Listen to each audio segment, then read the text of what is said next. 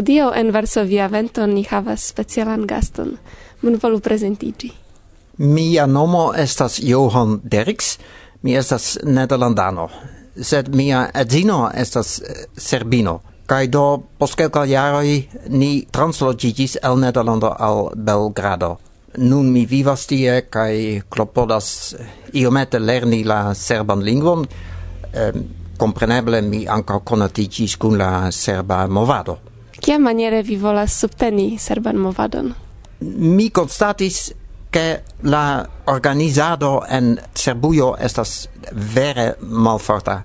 Mi havis la bildon anta ol mi venis en exa Jugoslavujo, che tia estas furora movado, tre activa sed bedaurinde ne estas tia. En Kroatujo ankorau existas vigla movado, sed en Serbujo ec landa asocio ne plu existas. Do mi decidis che helpi organizi tion movadon, kiel eksterlandano, al tio mi ne povas multe kontribui. Estus pli bone se mi faras iun flankan agadon, kaj tio estis ke mi startigis specialan revuon revuo ne nur por Serbujo, sed ankaŭ por naibarai landoi.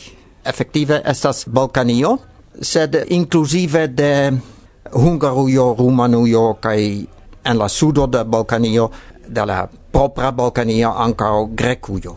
Kai tie oni nombras dec unu landoin, kai mia idealo estas mia strebo estas ke tiu revuo estos legata en tiui dec unu landoi. Vi eble miras che oni volas startigi apartan revuon, sed mi pensas che estas mercata eblezzo por tio, cer multai revui antaue existis, sed nun ne plu funtias. Exemple en Hungarujo antau dec jaroi existis samtempe ok revuoi kai revuetoi sed nuntempe nur unu iom funkcias. Do kie restis tiuj legantoi Bedaŭrinde la problema estas ke la landoi speciale Serbujo, Bulgarujo, Makedonujo estas tre malriĉaj. Do oni ne havas monon por pagi tion, sed Mi estas emerito el Nederlando, do eble vi povas imagi, ke mi povas malmulte investi en tiun uh, entreprenon por tiel diri, kaj mi provas tion. Mi ankaŭ jam ricevis aprobon, uh, entuziasmajn reagojn el diversaj landoj. Do mi esperas, ke post du jaroj tiu revuo, la nomo estas Balkana Verda Stelo, havos sufiĉe da abonantoj por ke io alia povas transpreni ĝin eble serbo au makedono au rumano ĉar por mi kio nederlandano estas streĉo por trovi la ĝustajn temojn la interesajn temojn. Certe tiuj landoj havas multe komunan kaj ili devus el usi tion. Exemple, sur la covrilo de la numero, jam aperis du numeroi, estas bildoi de dancistinoi. Danso estas unu exemplo de comunezzo de culturo, kiu havas ion specialan en Balkanio. Estas la lingvo, multai parolas slavan lingvon, kun iom da nuancoi, kai oni povus doni atenton al Esperanto kai la slavaj lingvoj.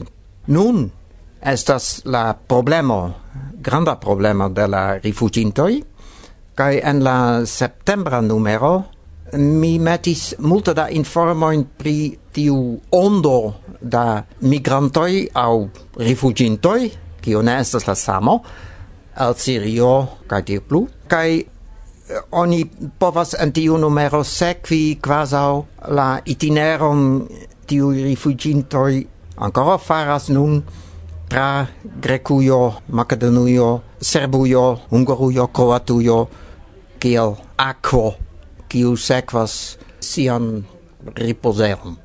Ĉu temas pri tio, ke legado ne estas tro forta en Serbio, aŭ ĉu la movado mem ne funkcias? Um, ambau factoroi ludas.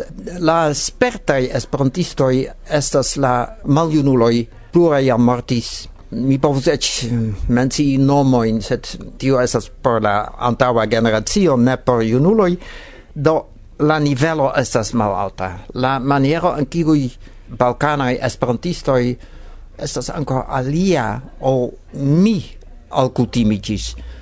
Oni ofte convenas, kai crocodilas estas la giuo renconti uno la alian kai ne estas multa da disciplino.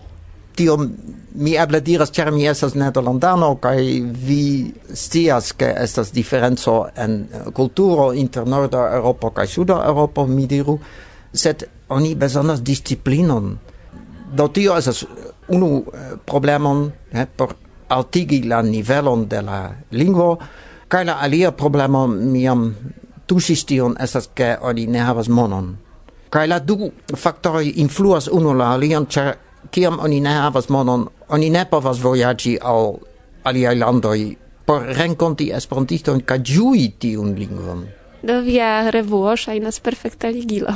Yes, ci ligas, ci provas crei ligoin inter la diversai landoi. Tu vi volas saluti ion? Mi saluto ciuin polain esperantistoin, cer nun estas la tria foio mi pensas en Polando, speciale cer mi studas en uh, Poznano, en la Universitato Adam Mickiewicz, kai paso pos paso mi alkutimicias al la homa vivo en eh, uh, Polando. Karan dankan.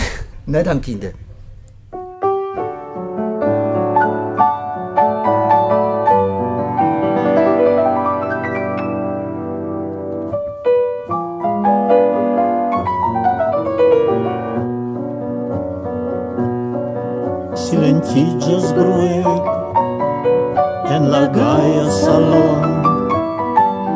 las lasta in secundo in crepusco en corte.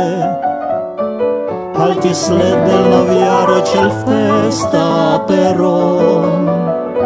Char la tempo plu daura sen cesse sen morte. Altis led del naviaro cel festa peron char la tempo plu daŭras sen morte. La rideto sopira en pensa forkur, Adiaŭ kun jar forfluanta el vivoi. Spiro halta streĉiĝo eksvinda susur iam subita impulso del sento e naivai. Spiro alta strecigio ex linga sussur Ien subita impulso del sento e naivai. Nia tempo sen halta vi. Eterneio fluganta de fio Kaj noviaro jubilas por mi kaj por vi. Duni resta sentiu avio Kaj ektinte pokalon salutas pokal Infanecon ec gioion estingas nenio quasau post la dec dua horlogia signal. Cies viv comencigas del pura folio. Quasau post la dec dua horlogia signal. Cies viv comencigas del pura folio. Nia tempo semholt ali Eterneum fluganta de fi.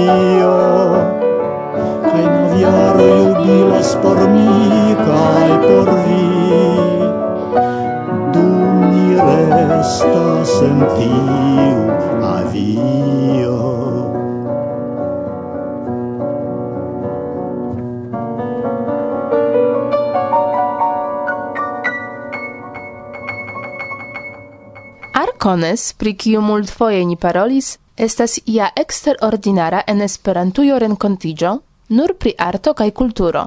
Ĉiujn programerojn koncernas tion, ekde komenco ĝis la fino de la aranĝo, kaj oni povas nur bedaŭri, ke tiu ĉi speca aranĝo daŭras nur semajnfinon, ne semajnon, ĉar pro multaj paralelaj programeroj verdire ne eblas ĝui ĉion dum tiel mallonga tempo. La historion d'Arcones parte vi povas ekscii el la filmo de Irek Prigi. Klaku la konforman ligilon. Parte ankaŭ de la oficiala pagio de Arcones. Kion diri plu? Hm, yes, malfacilas. Ciam post reveno heimen, de unu flanco mi sentas min sata je la kulturo esperantista, sed ankaŭ laca. Ĉar ja oni venas alla la esperantistaj renkontiĝoj ne nur partopreni la programon, sed ankaŭ rencontigi kun geamikoj. Ne gis fino tradormitaj noctoi, intensiva programo, kaj ofte bela autuna vetero, kiu gis nur estas quasau croma signo, resultas che pos la reveno arconeson oni devas simple redormi. Pri la programo de ciu arcones oni povas paroli dum horoi. Interesai prelegoi, prezentadoj, expositioi de arto en diversai formoi, Fine la teatraj spektakloj kaj koncertoj postulas kroman priperolon. Do, kion ni kapablas al vi prezenti, tion ni prezentas. Sed kredu. Partopreni kaj ĉe la okazo ankaŭ labori kun mikrofonoj dum la esperantista aranĝo foje tre malfacilas.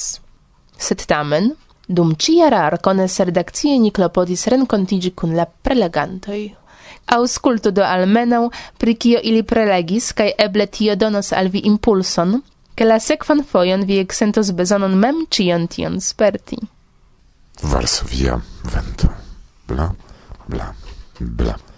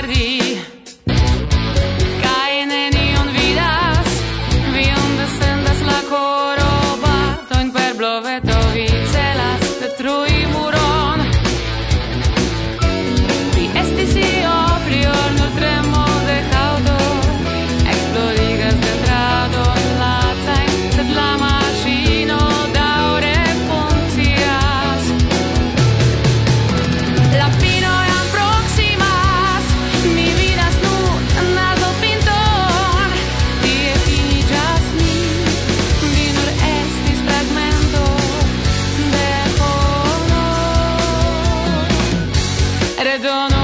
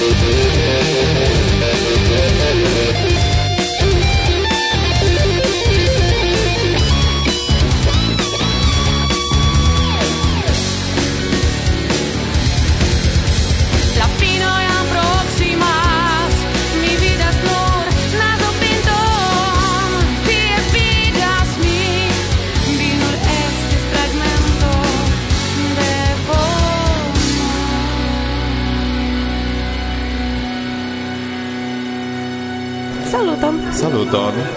Kiu vi estas? Eh, mi estas Suso Moiños el Galegio.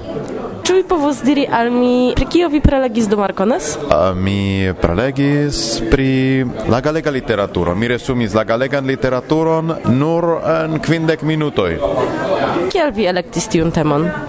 mi pensas che literaturo e ciam eh, estas bona presentilo de popolo anche tio estas mia faco do mi decidis eh, organizi la prelegon kiel vojaĝon tra la galega literaturo.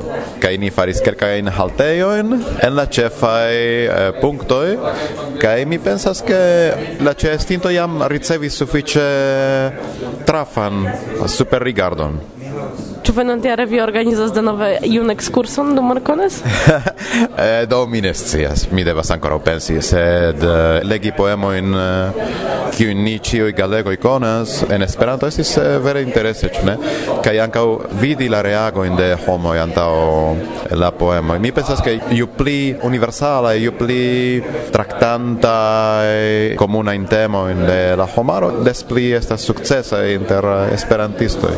Mi vidis ke eĉ vi estis kortuŝita? Ĉu tio videblis, mi ne kapablis kaŝi. Bone. Jes, ĉar bone temas pri literaturo kaj kiun mi tre ŝatas kaj mi jam diris pri poemoj kaj tekstoj prozaj forte enradikiĝintaj en popolan spiriton, se tiel diri, ĉu? Ĉu vi volus saluti iun? No, mi volus saluti ĉiujn, ĉiujn aŭskultantojn. Dankon. Dankon al vi. Mi estas Rafaelo Zerbeto, mi venas de Brazilo kaj mi studas interlingvistikon ĉi tie en Poznano kaj eh, mi venas por la studsesio kaj restis por Arcones. Pri kio vi prelegis dum tiu ĉi jara Arcones? Mi prelegis pri João Guimarães Rosa, li estas brazila verkisto, fakte unu el la plej gravaj brazilaj verkistoj laŭ kelkaj la ĉefa verkisto kiun ni havis. Kai uh, esas grava afero pri, pri li ke li estis esperantisto. Li ne nur uh, regis la lingvon, sed li efektive estis membro de OEA, li agadis en la movado, publikigis artikolo en ĵurnaloj uh, kun opinio favora al Esperanto kai mi supozas ke li ankaŭ verkis rakontojn en Esperanto, ĉar dum li, lia juneco esas en revuo Brazila Esperantisto esas iu raporto pri kunsido de lia subŝtata socio en kiu li legis uh, verkojn de li mem kaj do estas verkoj en Esperanto kiuj bedaŭrinde perdiĝis oni ne konas eh, kaj no li estas tre fama pro lia portugallingva verkaro Do mm, en mia prelego mi traktis tion ke mm, mi ĉiam mi delonge suspektas pri influo de Esperanto en lia verkostilo. Tamen mi neniam sukcesis esplori tiun temon, eh, mi neniam trovis vojon por uh, aliri al tio. Kaj antaŭ kelkaj jaroj mi konatiĝis kun iu knabino, estas iu ex studentino fakte de la Universitato de San Paulo, kiu doktoriĝis antaŭ unu jaro ĝuste pri Guimarães Rosa. Ŝi estis la unua homo kiu esploris uh, pri la desegnaj kajero kiu ili havis de, de sia infaneco dum li estis infano li kutimis fari desegnaĵo en uh, sur papere kaj gardis tiujn kajeroj kaj eĉ uzis uh, tiujn kajerojn kiel materialo por siaj esploroj por siaj verkoj kaj do ŝi rimarkis tion ke li iusence bildigas vortojn au li usas la sono in de la vorton la onomatopeia mm, maniero do gravas dia sono ne dia signifo. Do per tiu ludado con sono e kai bildoi eh, li construas eh, sian linguajon kai do kiam mi legis pri tio kai anko babilis con ci pri tiu afero mi trovis tiel un vojon por eh, trovis puro in Esperanto en liaj verko kai mi sukcesis mi rimarkis kelkajn eblajn influojn de Esperanto inclusive exemple nomo de de roluloi de liaj verkoj. En lia ĉefverko estas virino que o nome diz Maria Mutema. Mutema, ni povas tui kompreni ke Esperanta vorto, kaj estas en tiu teksto kelkaj diraĵoj pri ŝi, ĉu ne homoj priskribas ŝin pri kia ŝi estas, kaj ŝi vere estas virino kiu vivas sola kaj kiu ne ŝatas paroli al la homoj, neniam rakontas pri si, ŝi kaŝas ĉion al si mem, estas vere mutema, ĉu ne? Ŝi ne, ne emas paroli, ne emas diri ion, kaj io multe pli interesas tio io che uno è la play grava irolulo e de Maria Rosa che fatte lì play enigma irolulo che uno mi dice adorin ogni ciam do tio nomo è tutto ne ne né, ordinare è io stranga nomo però io homo cioè fatte è la ver con i clarigas la vera nomo tio è fatte é crom nomo creato sur base della nomo. Se tio nomo può fazer si cai por vira cai por ina cai uh, se tere de caixas multa mistero in homo ciam uh, eh, esplores pri ebla signifoi de tio nomo che é un l'autore vuol dire cioè fatte lì faris multa in vort ludo in kai uh, caches uh, messaggio in en sia verco in uh, mese de la vortoi kai do um, mi suspectas che tio povas signifi di ador in. Do tutte esperanta iradicoi esa zebla kai fakte tio congruas con la caractero de de Jadorin do tio esa tre interesa vero anca mi iom diris pri verda bendo, estas io io parodio kiun li faras de rugia chapeto Do estas io knabino che nomigas Verda Bendo, char si havas verdan bendon ce la hararo, kaj tiu verda bendo estas inventita. Do mi pensas tiu eble estas io kashita mesaĝo en tio pri Esperanto, ĉu Esperanto estas inventita lingvo, ĉu ne? Kaj ankaŭ uh, Ciui elemento de tiu a uh, ili aperas pare, tamen verda bendo ne, estas la nura senpara elemento, kaj do tio eble ligiĝas ankaŭ al la fakto ke Esperanto estas uh, iu planita lingvo kaj tiu sence uh, eh, oni traktas ĝin mal egale al la um, mm, naciaj lingvoj eble no mi pensas che en tiu rakonto ankaŭ povas esti interesaj uh, kaŝitaj mesaĝoj pri Esperanto. Aŭ io tia tamen mi fakte trovis nenion datumon vere konkretan pri tiu specife.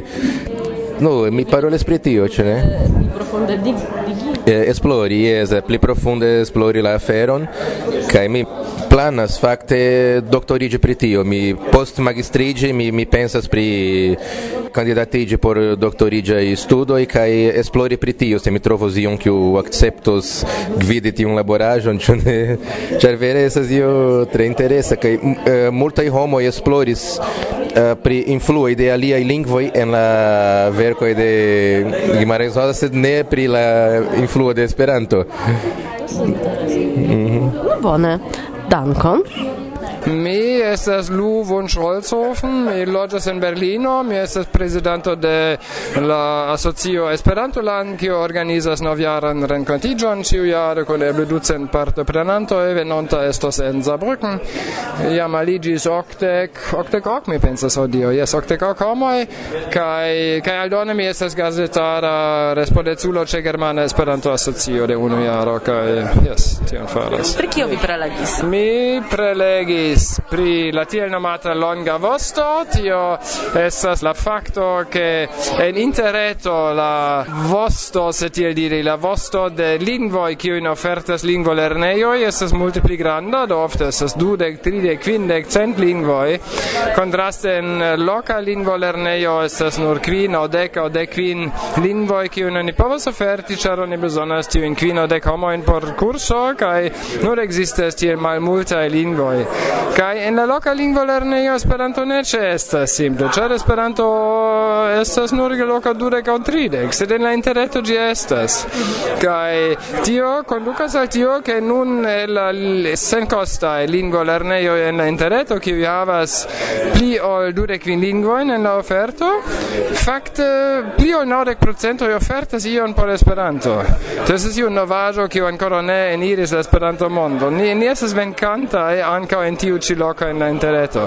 Kaj jes, do tio verŝajne ŝanĝos la mondon de Esperanto, ĉar Esperanto estos pli pli videbla kaj pli da homoj sekve ankaŭ lernos ĝin. Dum antaŭe ĝi simple estis kaŝita afero. Kaj do tio estas unu punkto. Mi om menciis Duolingon, kiu oni povas mezuri kiom da homoj uh, aliĝas por la kurso kaj fakte estas tie ke dum unu monato, do ĝis nun aliĝis iuj centridek mil, sed pli interese estas la monata alfluo, do estas 30.000 en unu monato kiuj alfluis, kaj estis eble tri milionoj kaj iom kiuj entute alfluis por aliĝi al nove aliĝi al lingvokurso, do tio signifas, se ni detale kalkulas, ke estas 0,8% de la novaj lernantoj. Kaj nun imagu kion signifas 0,8% de ĉiuj homoj kiuj lernas novan lingvon. Aktuale en la mondo 1 miliardo da homoj lernas lingvon. Se vi imagas ke tiu 1 miliardo, proksimum 1% Esperanto lernos iam Esperanton en la venontaj kvindek jaroj, tio signifas, vi verŝajne ne aŭdacos tion imagi, tio signifas eble kvin, eble dek milionojn da homoj, kiuj eble lernos Esperanton, se pli kaj pli establiĝas tiu ĉi lingvo. Kaj tio plej verŝajne renversiĝos, do, do grave ŝanĝos la Esperanto-mondon. Um, jam en la IOKO ni povis vidi ke ĉe Duolingo estis lernintaj kvar homoj el tricent, do unu procento, kaj tio post du monatoj da Duolingo offerto en la reto do imago che eble post unu jaro estas kvin foje tiom o dek foje tiom.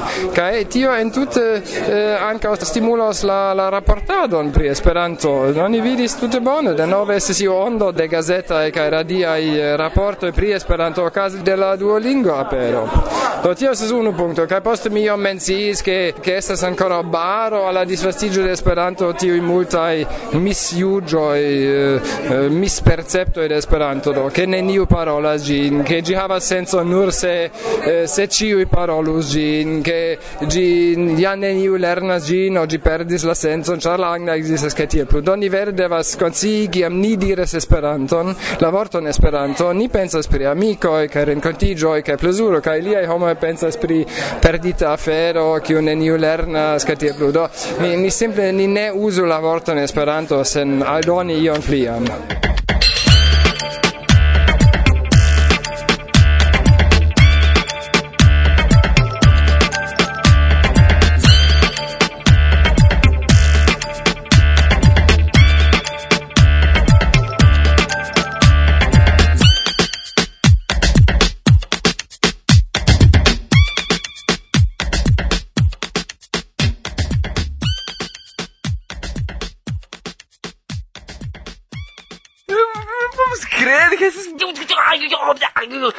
passa via vento.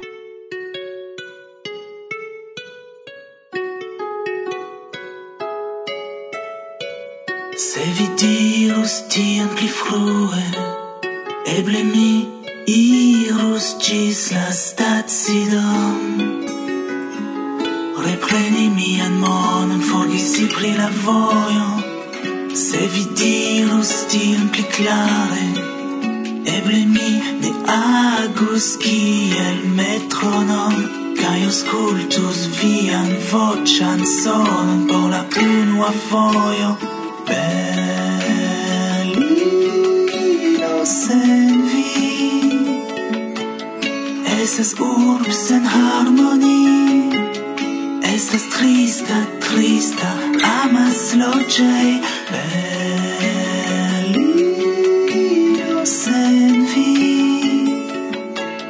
lasas min sen energi. En la trista, trista amas loĝej Se vi dirus tion pli frue. Eble mi irus ĝis la flughaven Por aĉeti biletojn por ambaŭ ni Se vi dirus tion pli klare Eble mi